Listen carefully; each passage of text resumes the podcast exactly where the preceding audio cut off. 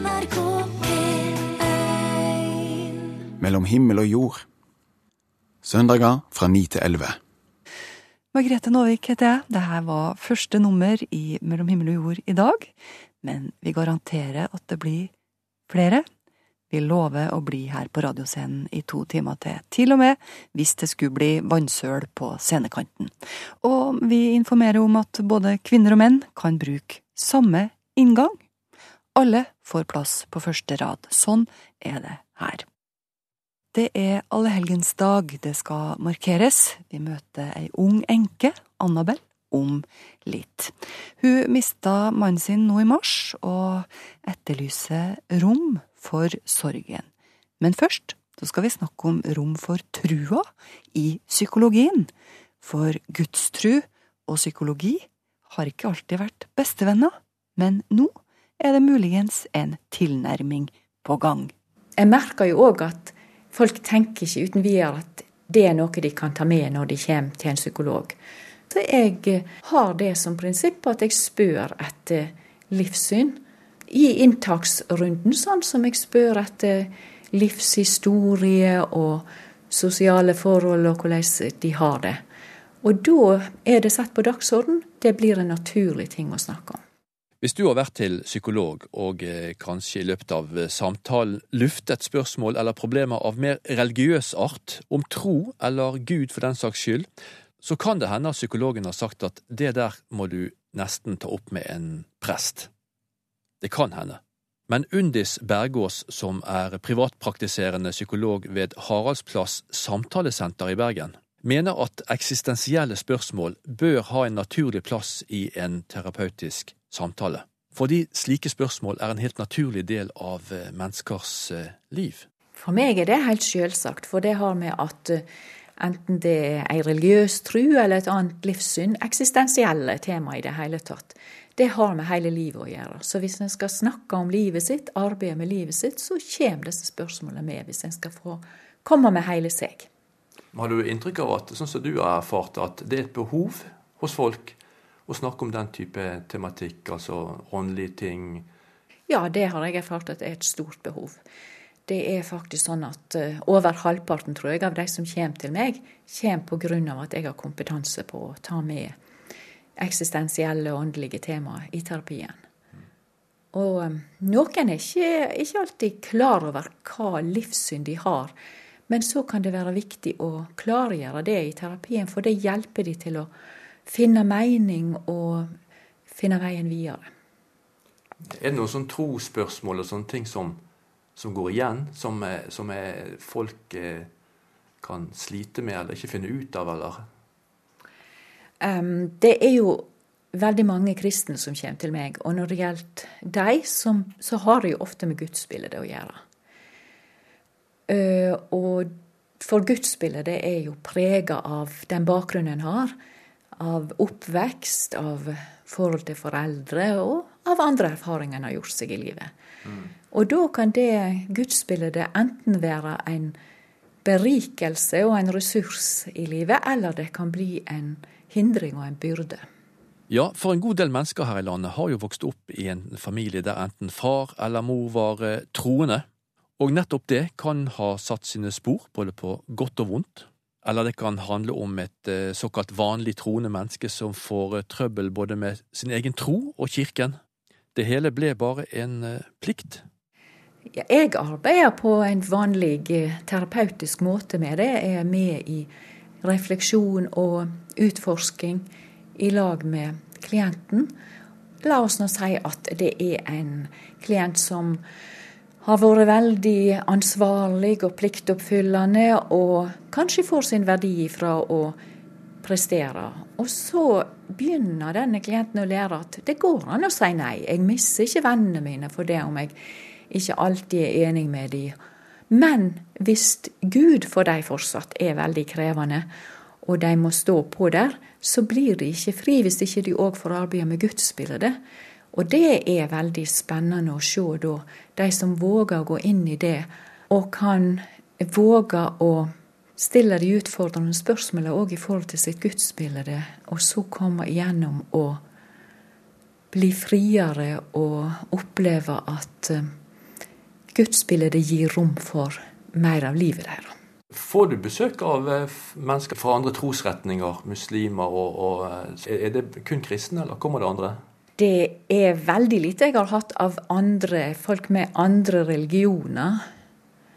Um, men eh, jeg tenker at det er jo noe av den samme arbeidsmåten jeg ville ha brukt der.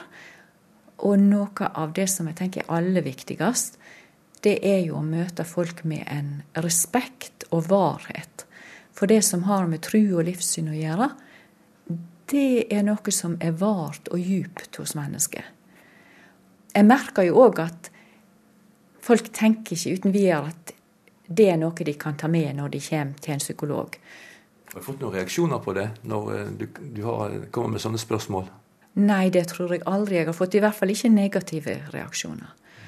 Men jeg spør jo naturlig og sånn at de kan um, komme med enten de har ei religiøs tru, eller de ikke er så sikre på hva, hva det er med livssyn, hva en tenker på da. Og da må jeg kanskje spørre litt mer etter hva verdier de har. Hva er det som gir deres liv mening, hva er viktig for dem? Og da kommer de jo fram til noe som faktisk kan få ganske stor betydning i terapien videre. Det er vel et faktum at eh, trosperspektivet har fått liten innpass i psykologien, da. Vet du hvorfor det har vært sånn? Ja, En kan jo gjøre seg mange tanker om det. Jeg tenker at noe har vel med arven fra Freud opp igjennom, der det var veldig, de var veldig kritiske til det religiøse. Så var det jo lenge òg et ideal at en skulle være nøytral. Det har en jo etter hvert skjønt at det er ingen som er nøytrale. Um, men jeg tenker òg at det har litt med at eh, det er viktig for psykologien å framstå som en eh, vitenskap. Og at en da kan bli litt redd for å bevege seg inn på områder som ikke vitenskapen har redskaper til å gå inn i. Det er jo forståelig. Derfor så tenker jo jeg at når det nå har begynt å komme på trappene at det skal inn i profesjonsstudiet, at en skal ha tema som går på eksistensielle spørsmål og religiøse, den religiøse dimensjonen, så blir det viktig at bredden av eksistensielle spørsmål, så en virkelig kan bli i stand til å gjøre dette på en eh, kompetent og profesjonell måte. Det sier Undis Bergås, psykolog ved Haraldsplass samtalesenter i Bergen, og hun prata med vår reporter Ove Gundersen. Jeg heter Sofia Vargas, og jeg kom til Norge når jeg var seks år. Og det var fordi foreldrene mine var eh, politiske flyktninger. Så har jeg en historie å fortelle om, om godhet. Og det var uh, de første, første møtene med nordmenn. Og, og, det var uh, Else og Arne. De var uh, to naboer. De møtte oss fra første dag. vi kom til Norge, og det hadde en stor betydning for meg. Ja, Hva betydning hadde det for deg? Det å, å, møte oss og åpne sine hjem for oss og gi oss en uh, form for uh, normalitet i det som egentlig var vanskelig. Både for foreldrene mine og oss. Men altså jeg, når jeg var barn, så skjønte jeg jo ingenting av uh, hvorfor foreldrene mine hadde flyktet og sånn. Fra? Fra Peru. Så det vi var opptatt av, var å, å leke og utfolde oss. Jeg og broren min, storebroren min. Og det var liksom det Else og Arne gjorde. da. De åpnet sine hjem for oss og lot oss være frie, da. ja, og hva gjorde dere, du og bror din, hjemme hos Else og Arne? Vi fikk lov til å egentlig bare være barn, leke og, og møte også den norske kulturen. På hvilken måte? Altså, egentlig så var alt eh, rundt oss veldig rart. vi hadde sett snø for første gang. Eh, Elsa, altså Elsa hadde et stort hus med mye norsk pynt og ting som ikke vi var vant med. Da. Eh, og mat. Vi fikk smakt brunost og veldig mye som var fremmed for oss, men som vi, som vi elsker den dag i dag. du og familien din kommer fra Peru opprinnelig. Ja. Hvordan har uh, møtet med Else og Arne påvirka livet ditt seinere? Jeg er jo veldig inspirert uh, på den måten Arne og Else tok oss imot på. Være åpen, imøtekommende, inkluderende. Og det er bare Altså man trenger ikke å gjøre så veldig, veldig, veldig mye, annet enn å være åpen og, og se, se mennesket som, som, er der. Det tenker jeg at det, det er så lite, men det, det, betyr mye for noen. Det har betydd veldig mye for meg òg. For det er, det, er, det er, ikke enkelt å komme til Norge. Det er ikke enkelt å, å tilpasse seg det som ikke er kjent. NRK P1. Første etasje. Hei. Hvor er Olavsstua? Olavsstua, det er den. Det var den, ja. Takk skal du ha. Hei. Velkommen, Sigurd. her føler jeg seg helt Ja, det er liksom Her er det er Annabel som tar imot meg i meditasjonsrommet ved St. Olavs hospital i Trondheim. På fredag så var det ett år siden hun gifta seg med Gunnar. I det her rommet. Og her har hun vært mange ganger siden. Og her har jeg grått, og jeg har vært sint og frustrert. Jeg har sittet og tenkt. Gunnar har vært med hit. Vi har sittet her alene, prata, spilt piano. Og så er det jo, altså Her er det rom for det store og det tunge, er det det man har behov for. Men det er klart det er jo arenaen for det. Kanskje det sterkeste og beste øyeblikket i livet mitt og i livet vårt, som var da vi gifta oss. Mm. Mm. Så her er det mye liv, for å si det sånn. Ja, og døden er vel også liv. Mm. Det er noe med det. Du skal snart få fortelle sin historie, men først går vi tilbake i tid nesten et år til den dagen Gunnar og Annabel fikk brudebildet i avisa. Hallo. Hallo, Margrethe. Hei. Du, du, som jobber mellom himmel og jord. Mm. Nå må du se her hva jeg så, så i avisa i dag her. Ja. Du, Se, her er jo et fint brudebilde, men les, les teksten under. Ja, sent på kvelden mandag 6. oktober ga vi hverandre vårt ja i Olavsstua på St. Olavs hospital. 30. oktober fikk vi endelig ikledd oss findressen og brudekjolen og gjennomført bryllupsseremonien slik tenkt i utgangspunktet. Annabel og Gunnar Mjøen Eggen, står det. Her... Eh, det, det brudeparet der, det, ja. det, det herre må ha vært eh, en vielse litt utenom det vanlige. Skal du ikke sjekke opp det der? Jo, jeg ringte til brura for å finne ut hva slags historie som lå bak. Hun sa at Gunnar var sjuk, at de gjerne ville fortelle, men akkurat nå så var de på vei til å flytte hjem fra sykehuset, og jeg måtte vente til de var på plass. Hun ba meg om å ringe tilbake i mars. Hun husker så vidt denne telefonsamtalen. Ja, vagt. For da satt jeg i bilen på tur fra Jeg hadde vært ordna med gravsten. Da hadde jeg plukka ut gravsteinen til Gunnar. Mm. Ja, så jeg kjørte fra Melhus. Det ble mange turer i bilen for Annabel da Gunnar døde. Hun hadde lange lister over ting som måtte ordnes, sånn som det er når noen dør. Og det er jo virkelig en eh, Ja. Det er en utfordring. Ja. Eh, I en sånn akutt sorgfase, på en måte. Men kanskje er det òg Du må. Så greit er det. Ja, At det kan være godt å holde på med noe praktisk, liksom? Mm. Ja. Men jeg tror nok, jeg har tenkt litt over det der, og jeg tror nok at um, den praktiske Vi som er nærest, vi får utrolig mye vi skal ordne opp. Og det gjør nok at sorgprosessen og den sin gang, den blir kanskje også litt forskjøvet. Fordi vi må være så til stede. Så det er kanskje litt at når omgivelsene og sorgen i kanskje litt lengre ut har begynt å lagt seg, eller, eller det derre første fasen, da, så begynner det å bety for oss å gå inn i det. Mm. Så du måtte utsette litt, på en måte? Ja, det blir litt sånn, for det var veldig mye Å, måtte mange ærend om dagen hit og dit med papir. Og det er mange runder. Og det er ikke noe oppslagsverk noen plass. Hvor henvender man seg? Den store sorgen ble satt på vent. Først måtte jo det praktiske ordnes. Det var ikke snakk om å gjøre noe radiointervju, det var andre ting som var viktigere nå. Hun ba meg ringe tilbake om en måned eller to, og det ble mai, og det ble juni. Så ble vi enige om at jeg skulle komme ned med opptakeren, og så skulle vi se om eh, vi fikk laga noe radio av det her. Hallo. Hallo, det er Margrethe. Hei, da går du inn, og så tar du heisen opp i femte. Ok. Vi tok en kopp kaffe, og Annabel prata gjerne om seg og Gunnar, om det å være pårørende over så mange år. Alltid parat, men eh, ikke på radio. Det ble til at vi utsatte opptaket. Ja. Jeg hadde nok en tanke om at eh, jeg skal heller ikke prate for tidlig. Det kan aldri bli for seint, men det kan bli for tidlig.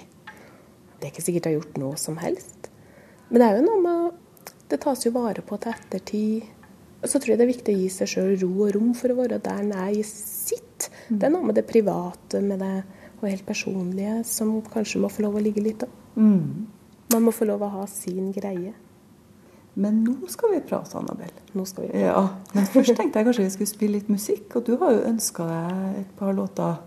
Ja, du spurte om forslag, så jeg kom med et par. Det er en som heter 'Så tag da mitt hjerte'. Den oh, ja. liker du godt. Ja, fantastisk sang. Den er veldig sterk nå, for den gir så godt bilde på altså den store sorgen og savnet og alt det. Det er jo en følge av at Gunnar fikk mitt hjerte.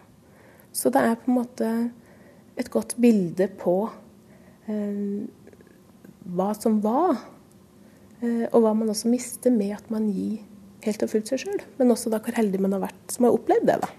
Vi sitter i Olavsstua på sykehuset i Trondheim, Annabel Mjøen Eggen og jeg.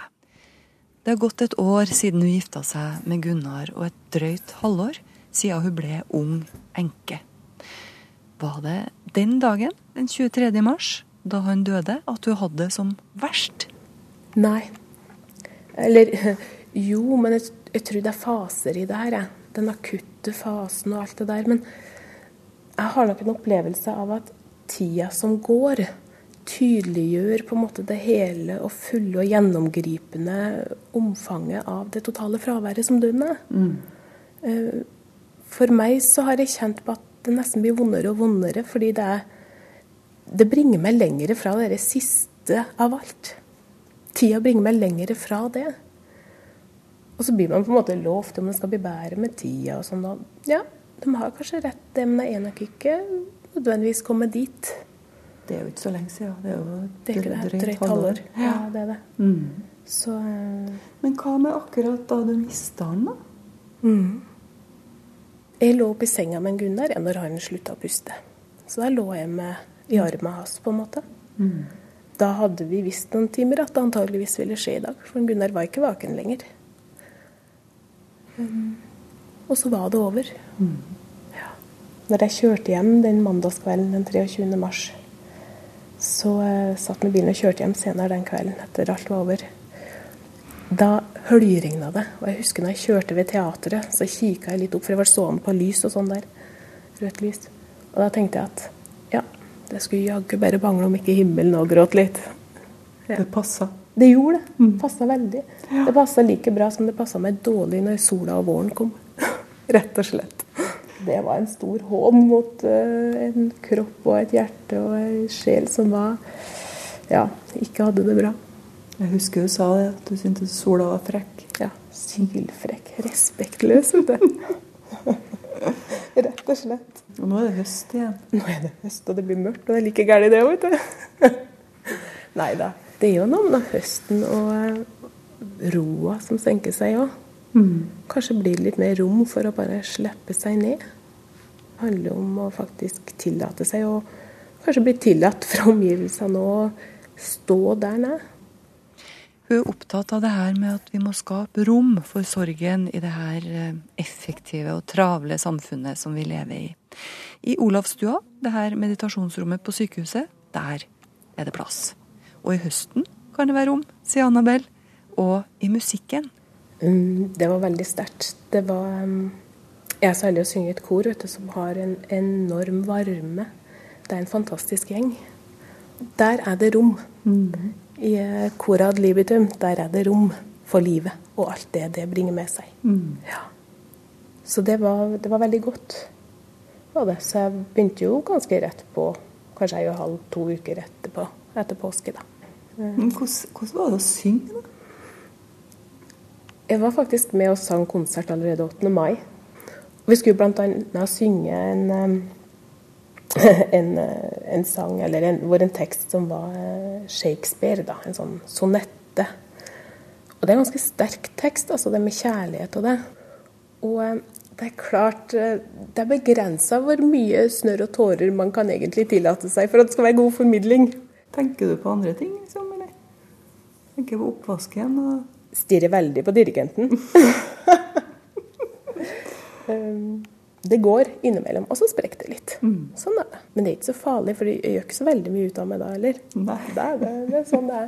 Og det å synge og musikk og sang, det handler jo om å berøre og bli berørt. Mm. Kan det være litt slitsomt òg? Hvis ja. musikken kommer litt brått på deg? Ja, det kan det. Og det er jo noen sanger som på en måte slår nesten litt fotene under meg. Spesielt kanskje musikk som Jan Gunnar og sanger vi delte veldig. Og da er veien veldig kort til tårene. Det er noe med musikken og sangen som et sånt følelsesspråk, tenker jeg. altså. Veldig sånn universelt språk. Eh, ja. Hvordan har ting forandra seg fra i april da, og til nå?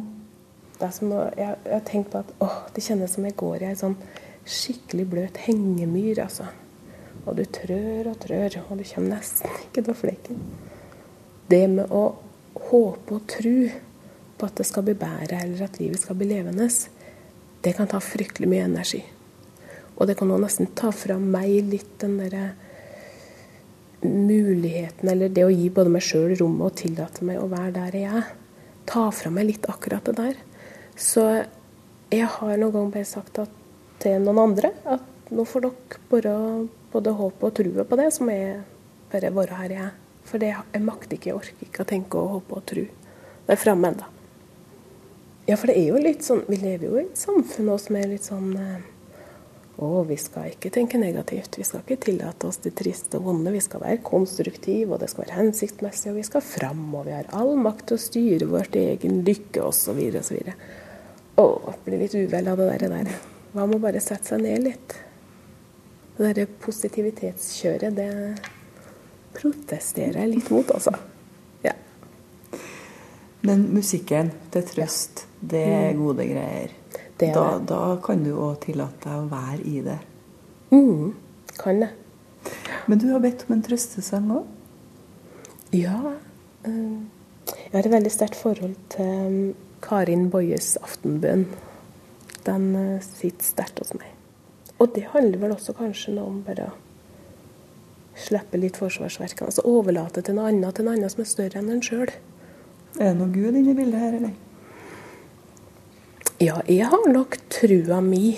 Uh, og det den er. Og det, den har nok oppstått i meg fra ja, fra jeg var 11-12-13 år. Og så har jeg nok oppdaga at det er en større del av meg enn jeg kanskje både tillatt og, og, og, og tenkt før. Jeg har kanskje fått et mer bevisst forhold til det. I alle fall da ut fra en tanke om at tru også rommer tvil. da. Er det så viktig å være skråsikker på alt, da? Må vi være det? Kanskje er det greit å bare tenke at ja, vi må finne vårt, hver og en, men å være åpen for det andre òg. Katarina Hallberg heter denne damen som sang Karin Boyes 'Aftonbøn' for oss, og for Annabel Mjøen Eggen, som mista sin kjære Gunnar i mars. Har du lyst til å se brudebildet av det her kjæresteparet, så kan du gå inn på Facebook-sida vår NRK Livet. Mellom himmel og jord i NRK P1. Har du noen tanker om hva som skjer når du dør? Med dem rundt deg? Hvordan ønsker du at folk skal reagere den dagen du drar på din siste reis? Stavanger-rapperen Bevis, han fikk klare ønsker, tanker om det her, etter et vendepunkt for noen år siden. Og nå, nå har det blitt låt av det. Er du sånn at når du er litt nervøs, eller når du sitter i ro med hendene at du Jeg må fikle med et eller annet. Martin McKee lar i alle fall ikke hendene hvile i fred, der han sitter i grå hettegenser, boblevest og store bukser. Kulepennen klikker med ujevne mellomrom, mens vi snakker om døden.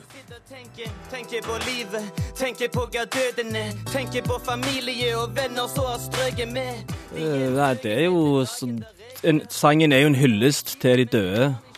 Så jeg tenkte liksom, hvorfor ikke bare gi en liten shout-out til mine døde homies? Bevis, som han kaller seg når han rapper, ser yngre ut enn sine 33 år. Og han er i det selvransakende hjørnet i sangen han akkurat har gitt ut.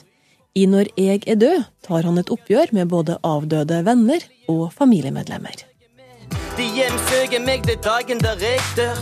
Prøver å la deg hvile, men det lar ikke meg gjøre. Det er en veldig personlig sang, da, så jeg skrev for sikkert fem-seks år siden. Jeg har brukt litt tid på å få spilt den inn, da, så det du hører i teksten, er vel sånn Det går vel et par år med tankegang i, i løpet av den sangen, da. Hvorfor brukte du så lang tid på å lage den sangen? Når du pitcher denne ideen til folk, så sender de over ganske sånn triste beats, da.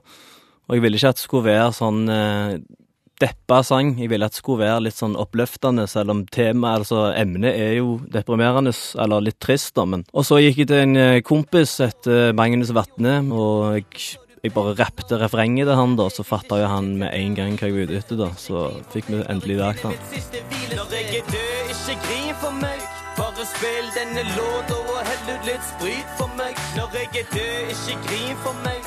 Bare titt opp mot himmelen og blås ut litt weed. Det er jo da en veldig, på mange måter trist og, og veldig personlig tekst. Ja. Eh, men du sier at eh, 'Når jeg er død' er en positiv sang. Det, for det, altså, det er mye sånn eh, trist innimellom verset, da. At eh, meningsløs sitter og titter ned i flaska og lurer på hva, hva er vitsen med alt. Du dauer uansett. Men så kommer jeg jo fram det på, på siste verset, da, at du kommer ingen vei med å, å, henge deg opp i, i det miserable. Du må bare fokusere på det positive. Og det er akkurat det Martin McKee har gjort. For da han var 17 år, døde moren hans av kreft. Det har vært vanskelig å bearbeide, og sangen er nærmest blitt som terapi. Med deg, mamma. Brukte hvert snev av energi du hadde. På å spre glede i livet til andre. Har gått i over ti år og forakta meg sjøl, for jeg fikk Det tredje verset der er jo Altså, jeg har aldri åpna meg opp og snakket om det greiene her på den måten der. Så plutselig skal du rappe det, liksom. Alle skal gå og høre på det. Så det er jo litt annerledes fra det party and bullshit-greiene vi pleier å spille til vanlig. Så det er sånn som meg, da, som ikke snakker så mye om dette her, så det, kan det være terapeutisk å få det ut via musikken.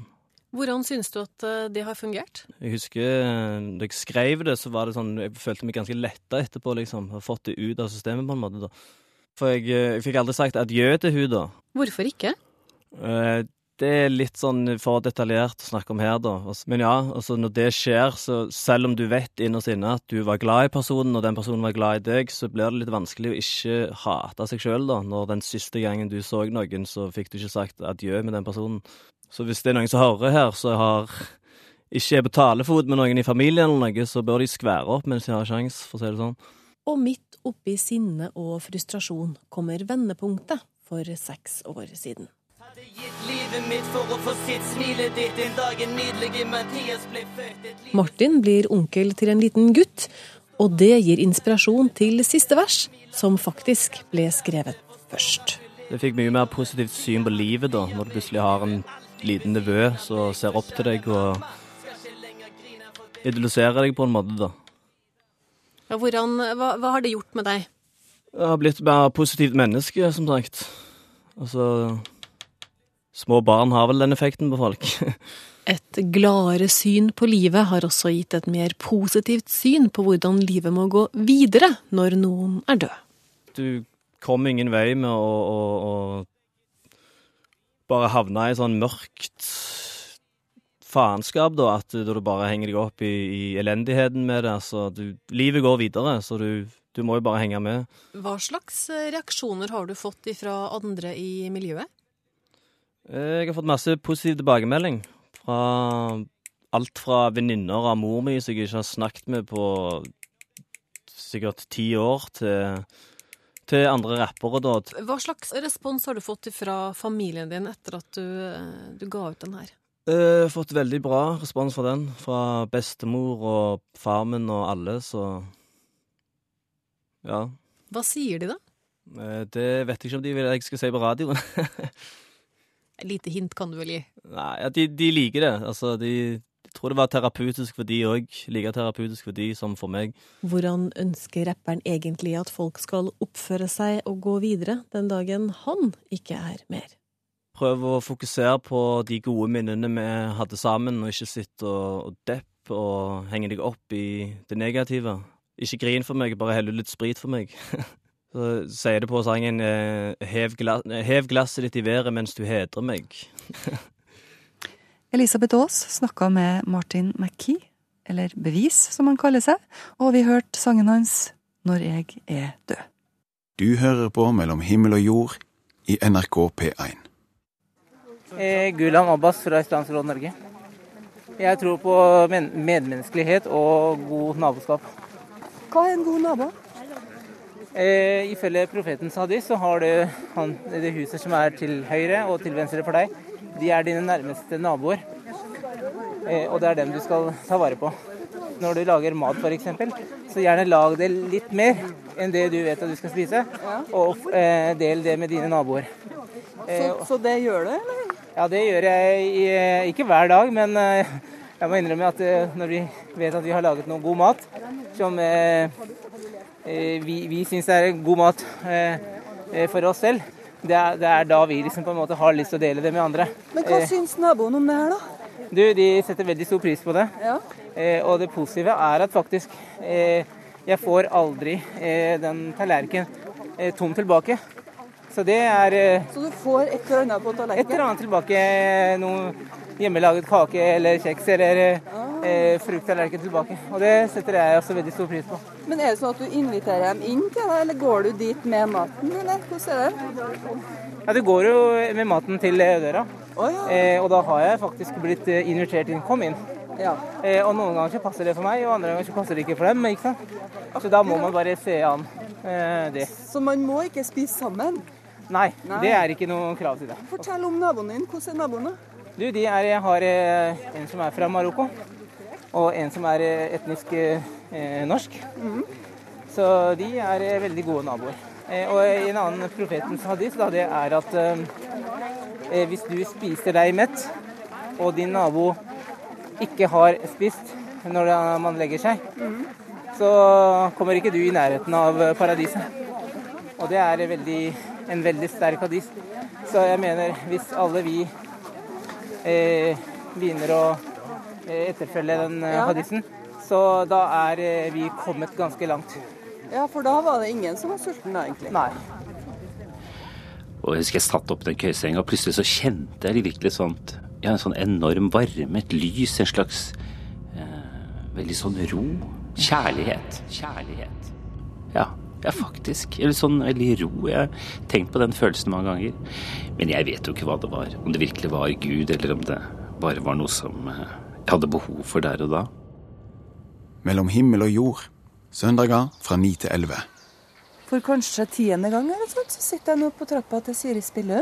Ja. Jeg tenkte jeg skulle åpne med et sitat i dag, Siri. Ja, gjør det. Gjør det. Dette her er det Finn Skårderud som har sagt. Den dype skamfølelsen er smerten ved å se seg selv som en som ikke fortjener å bli elsket. Åh. Det er kloke ord av en klok mann. Ja. det er det.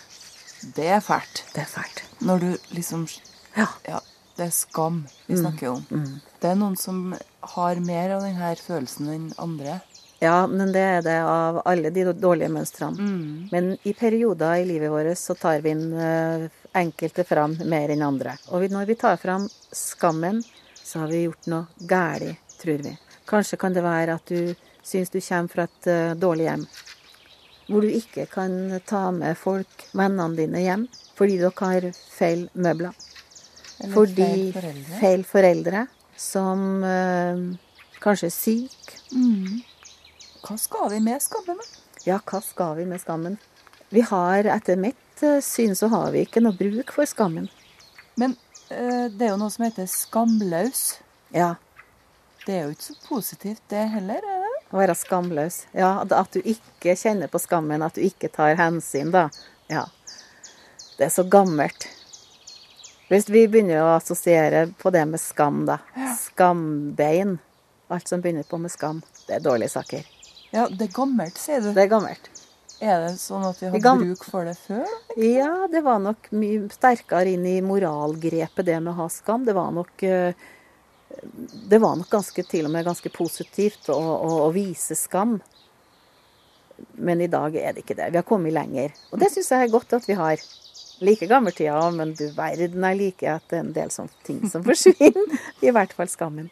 Men tenk deg, eh, det er ikke mange år siden at eh, Det med å være skilt, f.eks.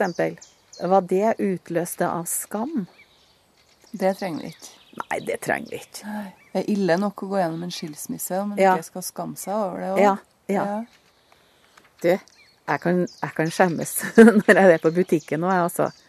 Det er jo helt, helt bananas. Men hvis jeg har kjøpt potetgull, det kan det hende at jeg gjør, så ser jeg meg rundt. Om det er noen jeg kjenner som ser at jeg har kjøpt potetgull. Og ei stor plat med firkløver. Jeg vil ikke at de skal se at jeg spiser så usynt. Ja, hvordan eh, ordner du opp i det, da? Du, når jeg har putta oppi alle potetgullene og sjokoladene og sånn, så får jeg svinge innom grønnsakshjørnet også og tar med ekstra mye brokkoli. Jeg må jo balansere det her.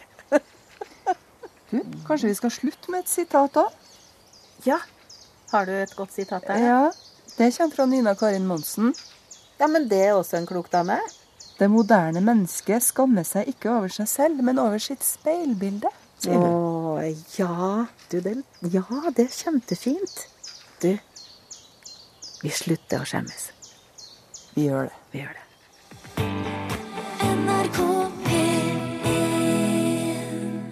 Hvem er det som skal skrive minneord når et menneske dør? Og hvor ærlig kan man være, egentlig?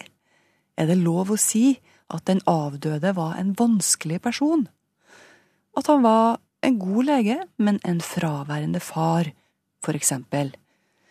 Nekrologer skrives gjerne av eh, venner og familie eller kollegaer, det blir helst de gode ordene som kommer på trykk. Vi løfter ikke fram litt sånn dårlige greier i denne sammenhengen. Men det her er kultur.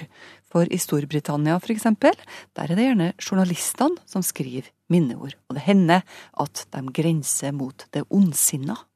Etter en lang diskusjon i Daily Telegraph så, så ble følgende dom over en avdød politiker forkastet.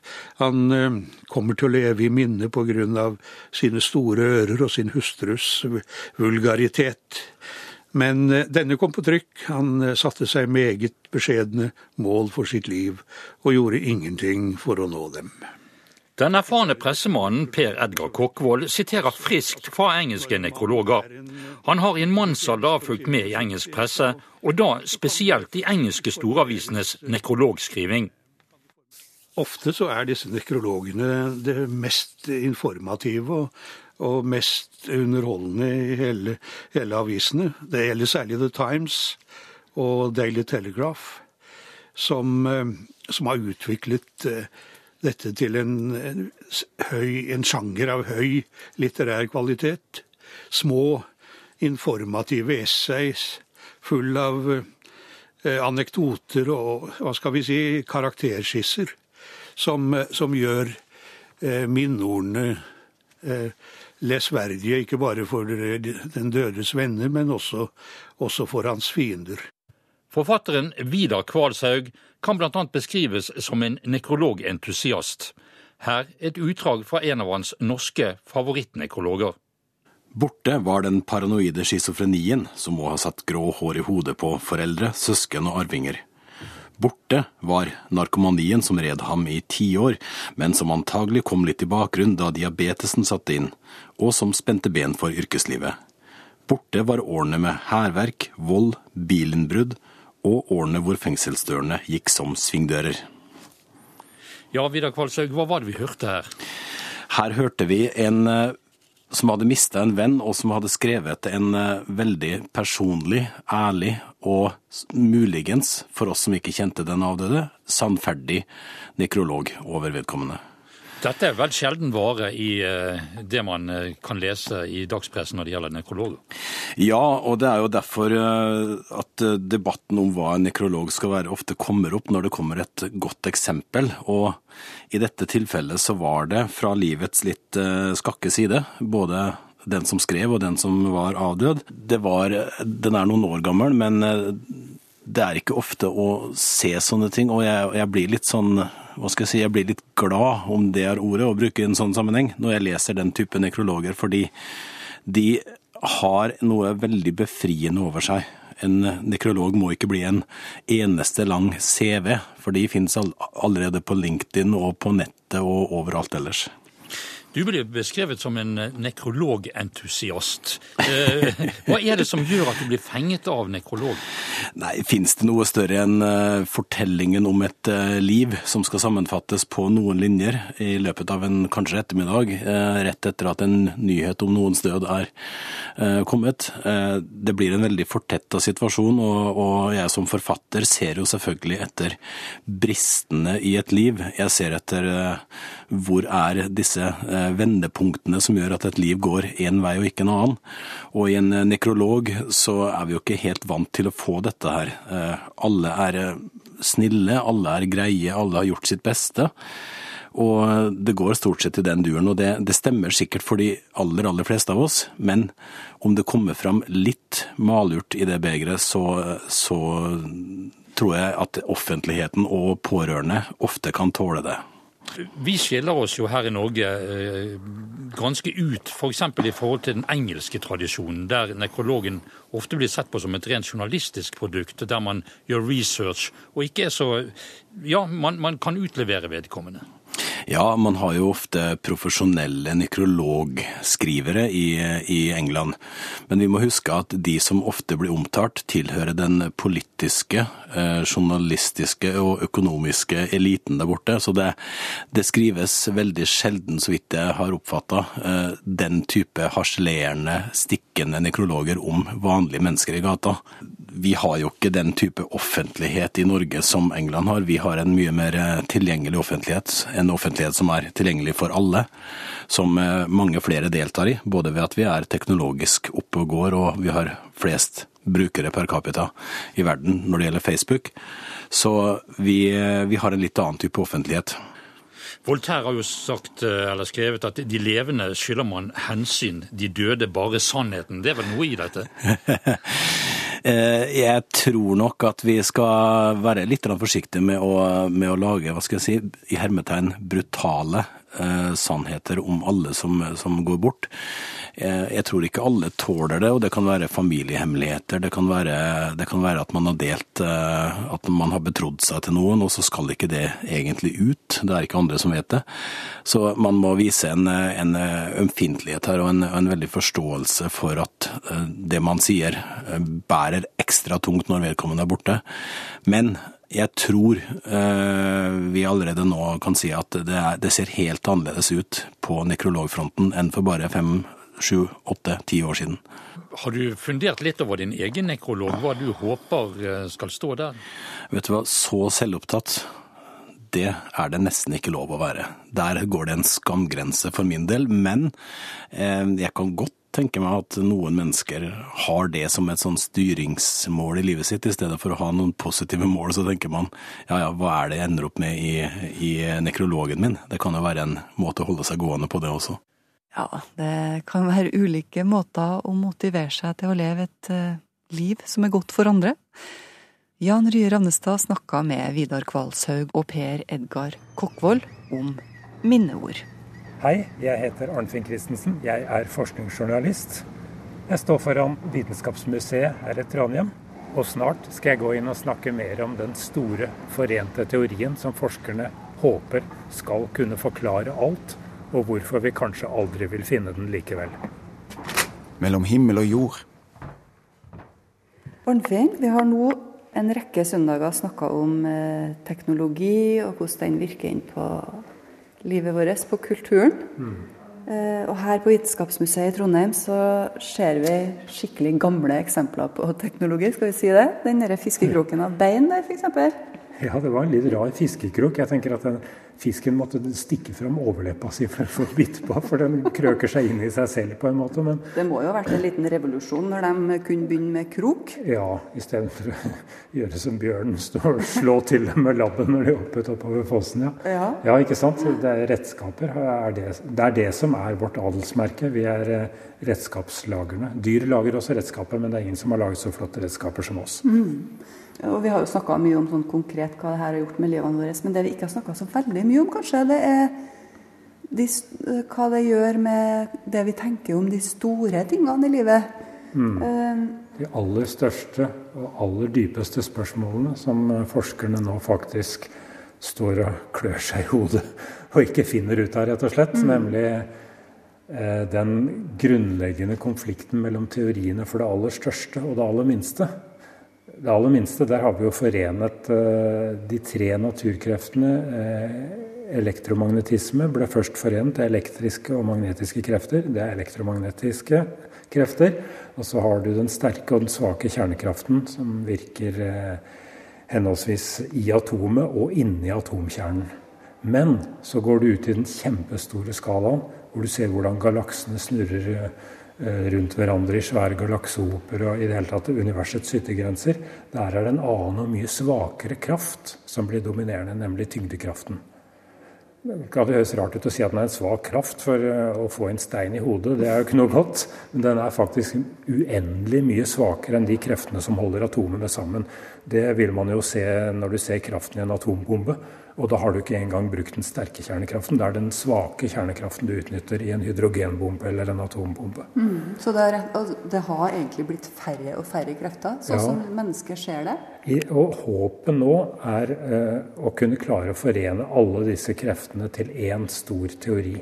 Men det finnes altså en tanke om at det er den samme forklaringa, på en måte? Men det som alle disse teoriene har som en veldig stor svakhet, er at de, de kan ikke sjekkes med eksperimenter.